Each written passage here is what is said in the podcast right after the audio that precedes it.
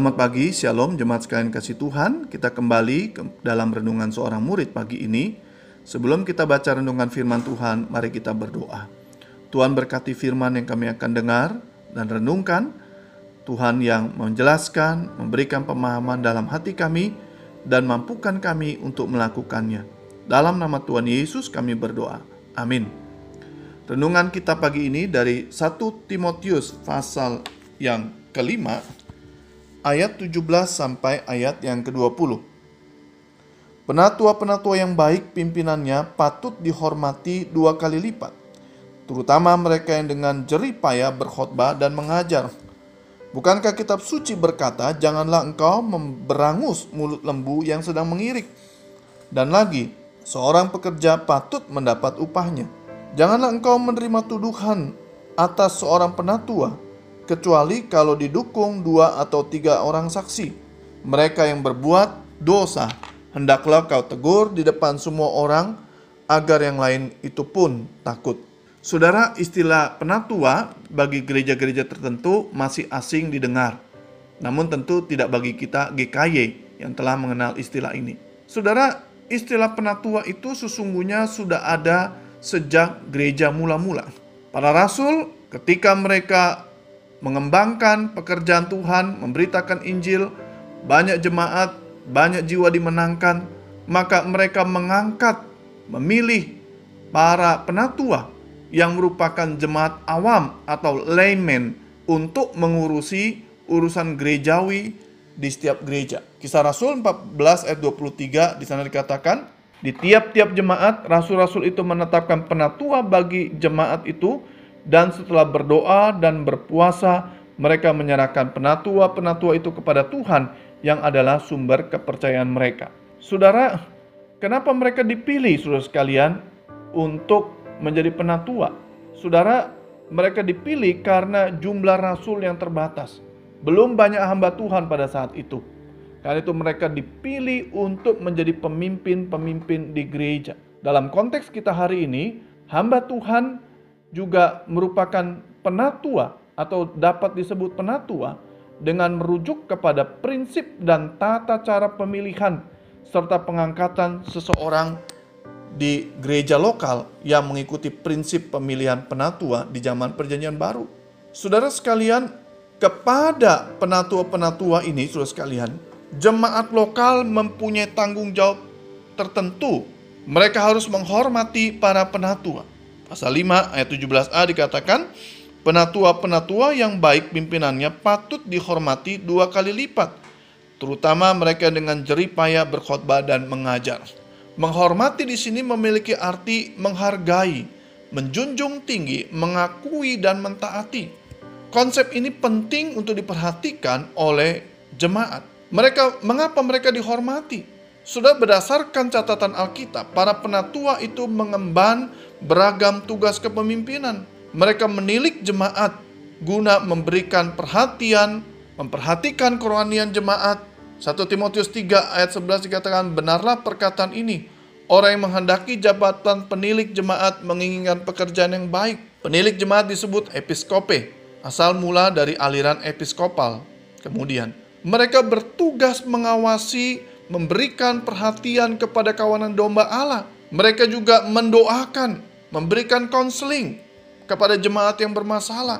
Yakobus 5 ayat 14 berkata, kalau ada seorang di antara kamu yang sakit, baiklah ia memanggil penatua jemaat supaya mereka mendoakan mereka. Saudara sekalian, kepada penatua-penatua ini dikatakan mereka harus dihormati, mereka harus dihargai, dijunjung, diakui, ditaati terutama kepada mereka yang katanya yang dikatakan baik pimpinannya dan sudah berjerih payah berkhotbah dan mengajar. NIV menerjemahkan dengan katakan especially those whose work in preaching and teaching. Cara Paulus mengaitkan kepemimpinan dan pemberitaan firman Tuhan di 1 Timotius 7 ayat 18 ini layak untuk digarisbawahi. Hal ini menandaskan pentingnya pemberitaan firman Tuhan sebagai dasar utama sebuah kepemimpinan. Para penatua memimpin dengan otoritas firman Tuhan. Walaupun teladan hidup dan keterampilan organisasi itu penting, namun fokus dalam kepemimpinan di gereja adalah pemberitaan firman Tuhan. Tanpa firman Tuhan sebagai standar kehidupan bergereja, sebuah jemaat lokal tidak akan terpimpin dengan baik. Saudara, bentuk penghormatan apa yang kemudian layak diberikan kepada para penatua? Saudara, alasan yang diberikan bagi penghormatan tersebut berkaitan dengan dukungan secara material.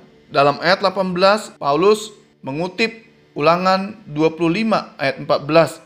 Dikatakan, janganlah engkau memberangus mulut lembu yang sedang mengirik. Ya, dan kemudian Tuhan Yesus juga mesahkan. Tuhan Yesus kemudian menyetujui pandangan ini dan mengatakan bahwa seorang pekerja itu patut menerima upahnya.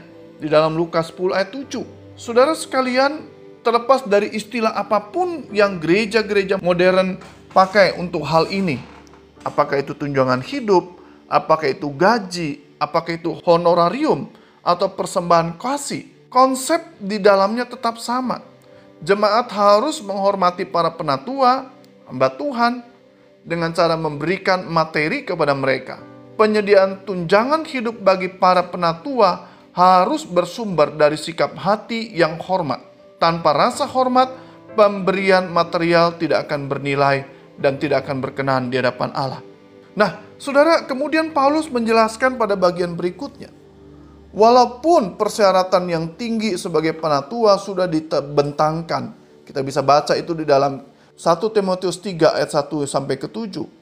Mereka yang terpilih sebagai penatua belum tentu semuanya mungkin mampu menunjukkan kepemimpinan yang baik. Mereka mungkin tidak semuanya menunjukkan teladan hidup yang baik. Beberapa orang mungkin memiliki celah dalam kehidupan pribadi, dan kepemimpinan mereka sehingga mereka diperkarakan. Ayat 19 dikatakan janganlah engkau menerima tuduhan. Ada tuduhan yang bisa diberikan kepada para penatua dan itu bisa terjadi. Mereka juga mungkin bisa dipersalahkan karena kesalahan-kesalahan yang real atau kesalahan-kesalahan yang dicari-cari. Nah, terhadap kondisi yang terjadi di tengah gereja di mana ada orang-orang yang mungkin mempersalahkan atau mencari kesalahan penatua, Timotius diminta untuk tidak dengan mudah menerima tuduhan atas seorang penatua, kecuali didukung oleh dua atau tiga orang saksi. Ayat 19. Ini adalah kutipan dari ulangan 19 ayat 15. Satu orang saksi saja tidak dapat menggugat seorang mengenai perkara kesalahan apa pun atau dosa apa pun yang mungkin dilakukannya. Baru atas keterangan dua atau tiga saksi perkara itu dapat di, tidak disangsikan. Saudara, bagaimana kemudian jika tuduhan beberapa orang tersebut benar-benar terbukti? Paulus mengatakan di dalam 1 Timotius 5 ayat 20, tegurlah mereka di depan semua orang supaya yang lain pun takut. Namun tentu prinsip ini kita harus berhati-hati menerapkannya. Tidak semua Kesalahan itu harus ditegur di depan umum. Tegurlah mereka di depan umum itu menunjuk kepada orang-orang yang terus-menerus saudara tidak mau bertobat dan tidak mau uh, berubah di dalam hidupnya. Mereka terus-menerus komitmen untuk berbuat dosa. Nah, ini harus ditegur. Apabila seorang penatua menerima tuduhan dan langsung mengakui serta bertobat dari kesalahan itu, maka teguran di depan umum di seluruh di depan seluruh jemaat tidak perlu diperhatikan. Saudara sekalian, jadi kita melihat di sini Paulus memberikan prinsip-prinsip tentang bagaimana menghargai, menghormati penatua, rekan sekerja Tuhan di gereja.